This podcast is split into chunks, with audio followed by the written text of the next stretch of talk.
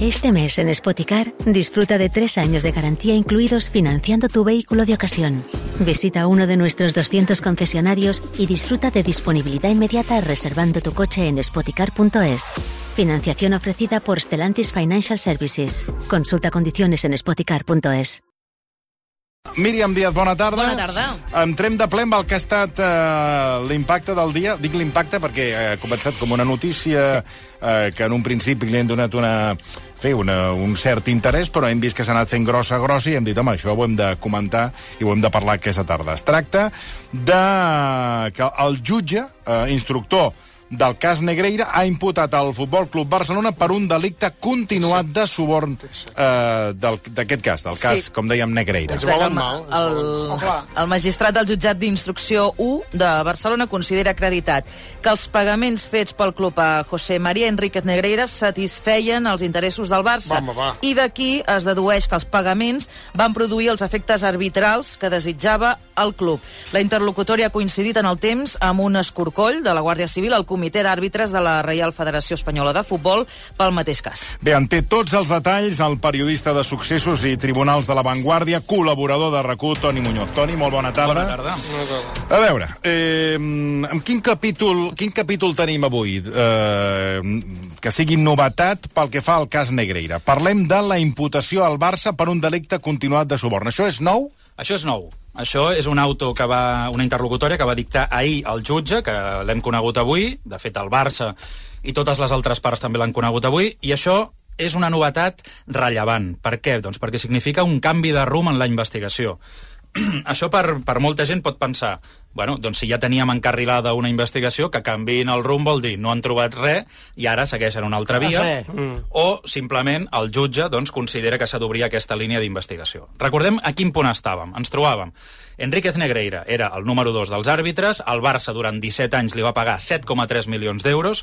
En teoria, segons va dir el propi Negreira davant l'agència tributària, abans doncs, que patís Alzheimer, perquè ara ja pateix Alzheimer i ja no recorda res, doncs el que deia aquest senyor és que simplement rebia diners del Barça doncs, per tenir una certa influència perquè no perjudiquessin el club. A partir d'allà es va obrir una investigació, la Fiscalia va presentar una querella contra el Barça i també contra el qui eren aleshores els presidents Josep Maria Bartomeu i Sandro Rossell, no van arribar a la porta doncs, perquè consideraven que el delicte estava prescrit i bàsicament apuntaven a dos delictes. Per tant, dues possibilitats. Una, administració deslleial, que vol dir que algú ha inflat el preu o ha pagat un sobrepreu o simplement ha pagat per un servei que no es va prestar, que això seria, doncs, eh, podria tenir alguna lògica, no? de dir, tu has pagat 7,3 milions d'euros per uns serveis que tu deies que eren d'assessorament però que en realitat no te'ls feia, no? Però jo puc pagar el que vulgui, eh? També Oh, claro. Això s'ha de recordar. Una, enti una entitat privada pot pagar el que vulgui pel servei que sigui. Pues clar. I l'altre, l'altre delicte, que és on s'han posat tots els focus, i és la corrupció esportiva, que el Barça pagava a aquest senyor doncs, perquè tingués influència No. sobre l'arbitratge, sobre els àrbitres, i era una manera de comprar els àrbitres, no? d'alterar la competició esportiva. Això recordem, doncs el Barça s'enfrontava, el Barça com a entitat jurídica, eh, com a club, eh, doncs s'enfrontava a una pena d'una multa, a la possibilitat doncs, que l'intervinguessin judicialment, i en un cas molt extrem, en la dissolució del club. Ai, Val? la A plantilla. terra, cu- eh, És el meu mòbil, perdoneu. Digues, Això digues. era l'escenari que teníem fins ara. I ara què diu el jutge? Doncs que no, que el que de... mi- que ell el que veu, a partir d'aquests indicis que ja teníem fa uns quants mesos, quan es va obrir aquest cas, eh? és a dir, no ha aparegut cap prova nova, no han fet cap informe nou, és a dir, estem en el mateix punt a nivell probatori, és a dir, hi ha les mateixes proves que ja teníem, i diu, no, no, és que això no és un delicte de corrupció esportiva, això és un delicte de suborn, que vol dir doncs, que tu li pagues a un funcionari públic perquè canvi, eh, és a dir, bueno, per corrompre'l, no? Mm -hmm. Aleshores, aquí dius, home, eh, funcionari públic, Negreira, No. No. Negreira, funcionari públic. Des de quan? Doncs el, el jutge considera que sí, que Ah. se l'ha de tractar penalment com a funcionari públic perquè una federació esportiva és, eh, té una funció pública. Mm. I com que fa una funció pública, s'ha de considerar a nivell penal doncs, que Enríquez Negreira era, eh, se li ha de donar la condició de funcionari públic, com que, i com que se'l considera funcionari públic, per tant, doncs, se li pot aplicar aquest delicte de suborn aquí, doncs els subornadors i el que rep el suborn, no? És a dir, per tant, ara mateix doncs, eh, bueno, eh, ha considerat doncs, que s'ha d'imputar totes les persones que hi havia fins ara, Enríquez Negreira pare, Enrique, eh, Javier Enríquez fill, I després, els presidents que hi havia fins ara imputats, Sandro Rossell, Josep Maria Bartomeu, i els directius Òscar Grau i Albert Soler. I en aquest punt, també ara hem de tirar enrere, perquè tu dius, home, fins ara, en el, en el cas de la corrupció esportiva, el delicte estava prescrit, prescriu als 10 anys, no? Però clar, a comptar des d'ara. Per tant, si és 2023, tu tires 10 anys enrere, arribes al 2013 i dius, bueno, des del 2013 quin president hi havia? Doncs era Sandro Rossell, que res, va dimitir el gener del 2013, mm. però per pocs dies li enganxa aquest, aquest tema. I després Josep Maria Bartomeu. Per això són els dos únics implicats en aquest cas, els únics eh, presidents mm. imputats, perquè, clar, això recordem que aquests pagaments es comencen a fer a l'època de Joan Gaspar des de l'any 2001. Presumptament. Però, clar, en el cas del suborn, la pena és més alta, és a dir, aquesta gent, si fossin jutjats per suborn, i eh, s'enfrontarien a penes que podien arribar fin als 6 anys de presó, i això comporta una pena d'inhabilitació de 12 anys, fins i tot. Per tant, el temps de prescripció també és més gran. I aleshores, el, clar, hauríem de tirar enrere i en cas que consideressin, o podrien considerar, doncs que el suborn és el, el delicte que s'escau en aquesta, en aquesta causa, doncs podria fins i tot esquitxar Joan Laporta. I Veus? Joan Laporta podria acabar sent Què és el que van? Què és el que van? Ja ho pots dir. Oh, claro. És el que van. Però qui és que ha de considerar si això que apunta el jutge Doncs mira, això, És cert o no? el jutge ho veu claríssim, que ha de ser així. Mm, Després ja veuríem si imputa Joan Laporta o no, però existeix aquesta possibilitat. Ara, aquest auto que ha dictat avui, en què imputa el Barça i la resta per suborn, doncs eh, es pot presentar un recurs, primer contra el propi jutge, és a dir, que serà el propi jutge qui resoldrà que tots creiem que si ell ha considerat això, doncs donarà, avalarà la seva decisió, i després, en tot cas, també eh, pot entrar a l'Audiència de Barcelona. I aquí és possible doncs, que el jutge que li diguin no, no, això de suborn, res, no es pot considerar funcionari públic. En cas que consideri que Negreira no és funcionari públic, doncs tornaria amb el delicte de corrupció esportiva mm. i en aquest cas doncs, no hi hauria cap mena de possibilitat doncs, que Joan Laporta pogués ser imputat en aquest cas. Anem a fer un parèntesi eh, amb l'explicació que, que ens estàs fent, perquè, eh, per situar els oients, eh, aquesta investigació la porta, el que és habitual, la porta, la instrueix, la instrueix. Un jutge instructor eh, que eh, em deia el Toni Muñoz que és un jutge instructor, o sigui, ara re recull tot un seguit de proves, ella arriba a la seva, fa les seves conclusions, i aleshores, un cop té la instrucció feta, és quan ell aquesta causa la passarà a un jutjat, no?, el jutjat Sí. de, de l'Audiència de Barcelona. Exacte, sí, si superen les, els 5 anys de presó, la pena que es demana doncs, a les persones anirà a l'Audiència de Barcelona, si no, doncs es quedarà en un jutjat penal. Però en principi... Com es diu el jutge instructor? Joaquín Aguirre, que és un jutge molt conegut mm -hmm. perquè ha portat altres causes que... Que han acabat en res. Sí, sí. Com per ara? exemple, No, ho, dic, ho dic perquè eh, no seria eh, la primera vegada que porta una causa que sembla que és una causa d'una gran eh, gravetat Sí. i després resulta que les causes se li han desfent com un sucre en un, en un cafè. Totalment. I, per exemple, aquí tenim un cas, que és el cas Macedònia, per exemple, no? que el jutge Aguirre doncs, va considerar eh, va investigar a la cúpula dels Mossos eh, i, en fi, va considerar doncs, que els Mossos d'Esquadra estaven consorciats amb un narcotraficant per obviar una trama de drogues.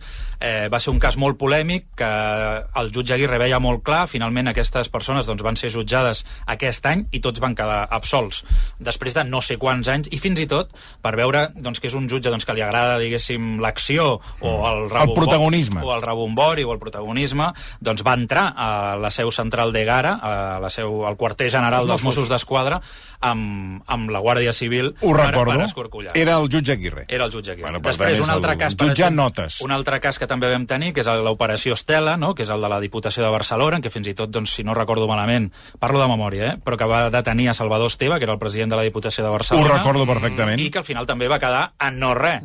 Vull dir, va, va ser, va, bueno, van ocupar Sí, moltes sí, sí. portades, I va ser tant. molt sonat i al final tot això es va acabar desfent. I l'últim cas, per exemple, és l'operació Volhov. Recordem doncs, de la connexió russa amb el procés.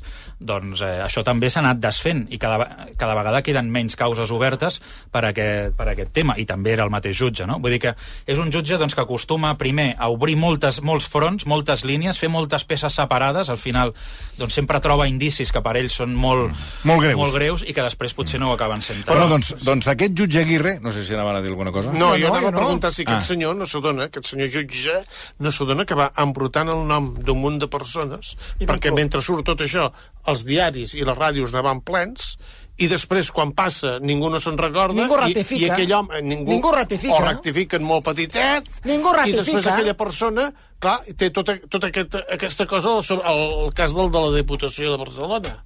Clar, aquest sí. senyor, clar, eh, sempre algú pensarà o algú trobarà aquí la màquina d'internet que aquesta persona ha estat perseguida per això i no trobarà que és innocent. Mm -hmm. Sí, el jutge Aguirre té una costum Oh, que també és- s'estila en, en alguns jutges i que jo crec que no haurien de fer, que és que moltes vegades en les seves resolucions, recordem doncs, que ells són instructors, ells estan investigant. Bueno, però ells, es basa, ells el que fan és acumular proves, no? Doncs moltes vegades acaben aprofitant aquestes resolucions per anar donant la seva opinió, no? Per criticar alguna cosa Imagina't. o per dir el que sigui, no? Ja. Avui, per exemple, ens hem trobat doncs, que, ja dic, eh, són les mateixes proves que hi havia fa uns quants mesos quan va esclatar el cas Negreira. Ell diu els pagaments eh, van produir els efectes arbitrals desitjats pel club blaugrana.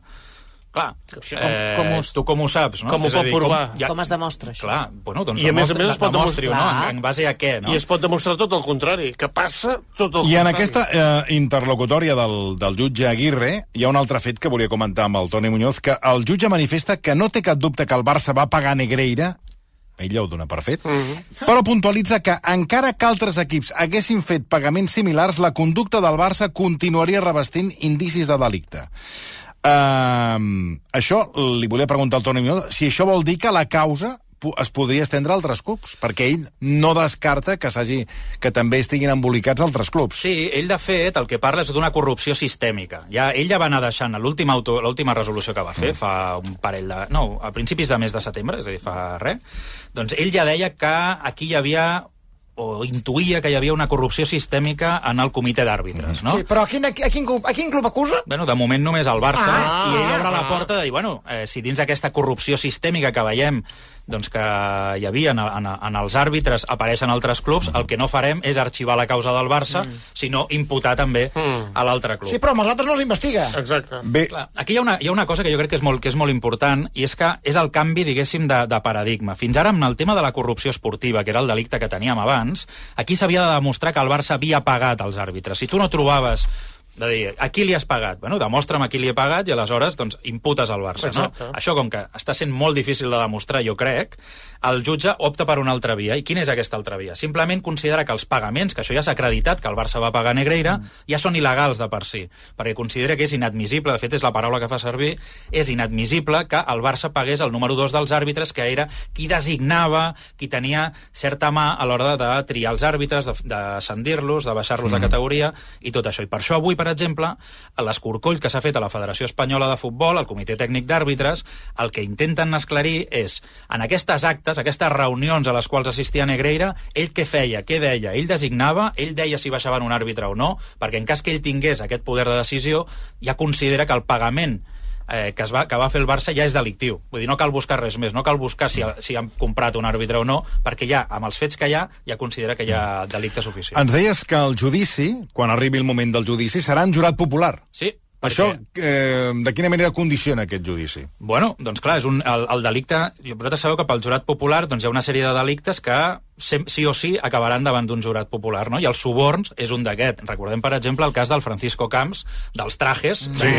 que li van regalar els trajes sí. i tal, que al final el van absoldre, doncs eh, era per un cas de, de suborn perquè ell es va deixar subornar, en principi, no? I, doncs, I va anar per un jurat popular, és a dir, van ser nou ciutadans els que van decidir el futur de, de Francisco Camps. Clar, en el cas, doncs que ara després de que s'hagin presentat recursos, perquè aquí es presentaran recursos en contra d'aquesta decisió, i en cas hipotètic doncs, doncs que l'Audiència de Tu pots Barcelona... presentar recursos amb, el, amb, la, amb la instrucció del jutge, Sí, que, sí. que el jutge Aguirre? Pots Sí, presentar recursos? Pots anar Abans d'anar a judici? Sí, sí, sí. Aleshores, imaginem doncs, que mantenen que, tot, que tothom veu Sí. claríssim que sí, que Negreira era un mm. funcionari públic i que se'ls Sí. sí. ha d'imputar suborn, doncs aleshores això, en cas de judici, seria davant d'un jurat popular. I clar, i aquí serà, i aquí serà dif mm, Exacte. divertit. Com tries? Com tries? Clar, perquè recordem que aquí hi ha les acusacions, Ah. en, entre les quals hi ha la Lliga de Futbol Professional, Javier Tebas, Ah. i Real Madrid, Florentino Bueno, Pérez, que són acusacions en aquest cas. Ah. És a dir, imagineu-vos quan hagin de triar un jurat popular, ciutadans anònims que hagin de decidir el futur del Barça, quin tipus de preguntes faran? Si Ets són del culer? Barça, Aleshores- exclosos. Per força, clar. per força. Bueno, no, no, cada, O no? no? sé si quedaran exclosos, però bueno, no, o no sé si pot ser un motiu de... d'inva- Home, de- de- home, si un home, ciutadà, favor. clar, eh, és el Per que dius. favor. Clar, I com comproves que un ciutadà... Bueno, potser, És no, o no és? És de- és- és soci del Barça? Sí, soci del Barça. No, però el soci no. Bueno, però pot ser, pot ser aficionat. És a dir, Exacte. hi ha gent que no és sòcia de, del Barça o del Madrid Exacte. i són més... Eh, Més culers culers o més marangons. Bueno, culers, per no dir Clar, però i si- més, i- i aleshores- més radicals que, que un soci que ho pot ser. Clar, i si invalides a tots els del Barça, que et jutjarà, no, jutjarà Eh, només els del Madrid. eh, claro. que també hauries d'invalidar.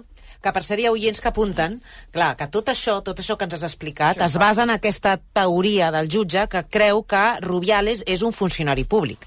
I diuen, eh, per exemple... Negreira. Negreira. Perdó, Negreira. Diuen, Negreira es considera funcionari públic i Rubiales no se'l podia fer fora perquè la Real Federació Esportiva Privada.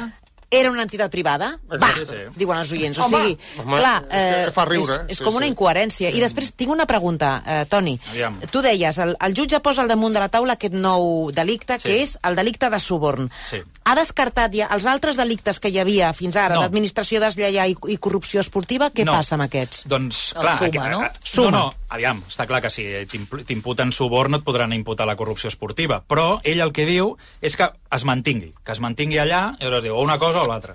Aquest home... Ui. El que és curiós de tot Aquest això home. és que cap de les acusacions que hi havia fins ara, és a dir, fins que no ha arribat... Perquè el jutge Aguirre ha arribat fa poc al cas, perquè ell, ell és el titular del jutjat número 1 de Barcelona, però ell ha estat de baixa. Aleshores, eh, qui va començar aquest cas és la, la del jutge del, del jutjat nou, val? Mm. Sílvia López Mejía. Aleshores, ella era la, la jutgessa substituta, és qui va acceptar la querella de la Fiscalia, també va acceptar doncs, la denúncia d'aquell àrbitre Xavier Estrada Fernández, i eh, bueno, és qui va, qui va donar la primera empenta a aquesta investigació i sempre pels delictes d'administració deslleial i corrupció esportiva. Què passa? Ara ha arribat el senyor Aguirre, que ja està bé de la baixa i que ja ha deixat, perquè també s'havia dedicat només al tema Volhov, un cop ha arxivat totes aquelles causes del Volhov, ara ha dit, bueno, ara arribo aquí i sóc l'única persona que veu doncs, que això és un suborn, perquè clar, ja et dic, les altres acusacions, la Fiscalia, el Madrid, la Lliga, podien haver dit que això era un cas de suborn, Clar, i no, i ho, no han ho han dit. dit. Consideraven que era corrupció esportiva, vull Del- dir, ni de contracorrent, diguéssim. Anava a preguntar-te per l'escorcoll que estava fent, eh, bueno, que ha fet, no sé si han acabat a la Real Federació Espanyola de Futbol, eh, que l'ha ordenat Joaquín Aguirre, eh, buscant doncs, eh, d'alguns documents, algunes proves que acreditin aquests eh, pagaments a jutges. En sabem alguna cosa? Sí, eh, Una, un, eh, Un acte, un- buscaven. Eh? Buscaven un acte. Bueno, buscaven alguna prova que, que, que confirmi això, no? Sí, ella... Uh, aquesta, aquesta investigació la porta la, la Guàrdia Civil, com la majoria que porta Joaquín Aguirre, sempre doncs, confia en la policia judicial de la Guàrdia Civil i eh, aquest escorcoll doncs, s'ha fet a primera hora del matí, encara segueix en marxa i bàsicament l'objectiu és la clonació dels ordinadors del comitè tècnic d'àrbitres per aconseguir doncs, la documentació i veure això que us deia, no? Si Negreira realment tenia aquesta capacitat, aquesta capacitat d'influir, d'incidir en els àrbitres o no? Perquè, què passa? Aquí, Luis Medina Cantalejo, que és el president del comitè tècnic d'àrbitres Mhm. actual, va dir que Negreira no pintava res, que estava allà, que era un càrrec gairebé honorífic i que mm, doncs, feia eh, una, un paper, diguéssim, de representació i que ell doncs, no tenia capacitat per pujar un àrbitre, per fer Per internacional o no. Però clar, el jutge, com que considera que aquí al darrere doncs, aquests pagaments del Barça només es poden entendre com un suborn, doncs clar, ha de veure si realment tenia aquesta capacitat. I per tenir aquesta capacitat doncs, ha de revisar aquestes actes. I avui doncs, ha enviat a la Guàrdia Civil allà que estan escorcollant, estan clonant aquests ordinadors i quan acabin doncs, suposo que d'aquí un temps tindrem un informe amb tot De la Guàrdia Civil. de la Guàrdia Civil, tot que- Vale, vale, no, no expliquis tot, no facis spoiler, perquè aquesta, la novel·la aquesta de, última de la Guàrdia Civil, quan surt? Perquè jo les estic seguint, són molt bones, per cert, ah, boníssimes, eh? Aquestes novel·les tenen una imaginació, la Guàrdia Civil, No boníssima. sabia que feia novel·les, Sí, la Guàrdia Civil. Collons, sí, sí, no, fa, no fa altra cosa. O sigui, Novel·les- tu novel·les de quin tipus? Doncs te les aconsello. Jo no sóc de llegir, eh? I aquestes m'atrapen. Una imaginació... Mira, a la Conselleria d'Economia en, en, en llames. Aquesta és molt bona. Sí. S'ha d'aconseguir que el 20 de setembre és el que va com una simulació sí, ja de que es va destruir tota una Sí. Ja recordo, sí. Una dona que estava allà dalt que va, Una- va sí. morir de, de les mirades, Una- de, una- d'unes sí. mirades dolentes d'uns dolents, Sí, i va sí. quedar carbonitzada de les mirades. De les mirades, sí. Sí. És a dir, que està molt ben trobat a la imaginació, és brutal. Lo- los, los Jordis asesinos. Ah, sí? Aquesta, aquesta és molt bona, Molt molt bona, bona. sí. Són dos dolents que es diuen Jordi de tots dos. Està molt ben trobat, perquè Sí, sí, sí. es lien entre ells, perquè no saben qui és qui. sí, sí, sí. I com va, com va, com va? Bueno, són, són tan dolents que és com, quasi com molt exagerat, Sí. molt exagerat. Costa, a veure, S'enfilen pels cotxes. Sí, es fan cotxes, sí, destrossen sí, cotxes, sí, posen sí, adhesius als cotxes. Ah, sí?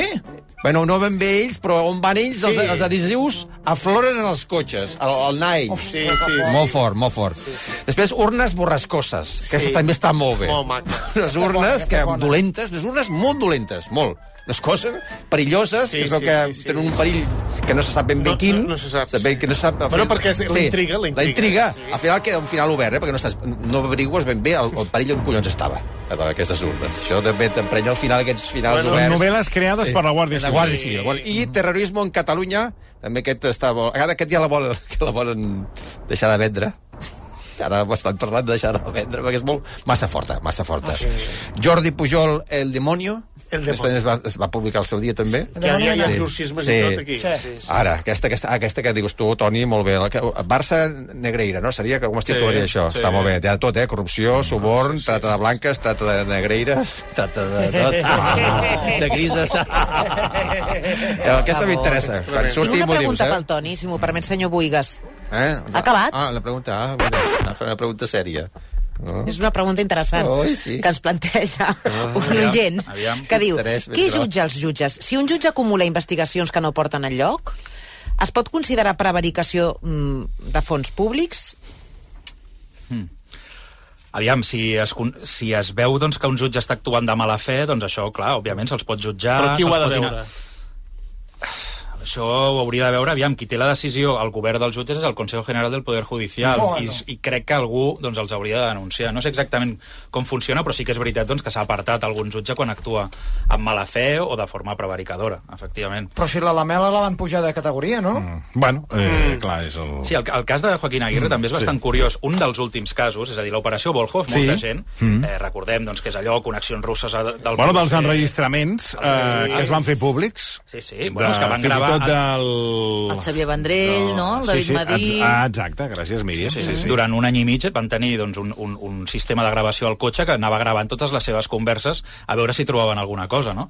Doncs aquell cas neix d'aquest d'aquest primer cas que us deia de la Diputació de Barcelona i allà doncs qui investigava era l'AUDEF, val? la Policia Nacional. Mm -hmm. I a partir d'aquí l'AUDEF, quan el jutge Aguirre diu ui, hem d'investigar aquest altre... Van trobar una conversa de Víctor Tarradellas mm -hmm. que parlava amb, amb Xavier Vendrell i també amb David Madí, que els havia gravat i tal, Sí, i parlaven sí, sí. dels 10.000 soldats, Soldats. russos que havien de venir a Sí, aquesta també aquesta és molt bona. Els russos estaven molt bé. Sí. Aquest gir de guió dels russos, no jo no m'ho esperava. Doncs Era, la- era Miguel Estrogó, Estrogó. el, el, correu de Puigdemont. Exacte.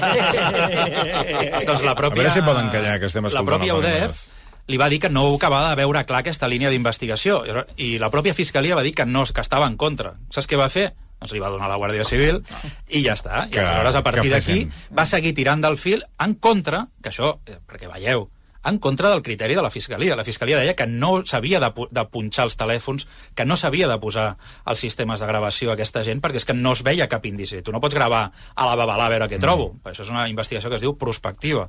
Per tant, però el jutge Aguirre va considerar que s'havia de fer. És veritat que van presentar recursos la Fiscalia i l'audiència li va denegar, per tant van, li van donar la raó al senyor Aguirre i per això va poder seguir. Però que, eh, en fi, aquest cas, que va ser el, molt sonat, l'operació Volhov, ja neix de, amb les reticències de la Fiscalia de la Policia Nacional i només amb el favor de la Guàrdia Civil. Per tant, el jutge instructor del cas Negreira, un jutge amb totes les garanties, el magistrat Javier Aguirre. Eh, Toni Muñoz, moltíssimes gràcies.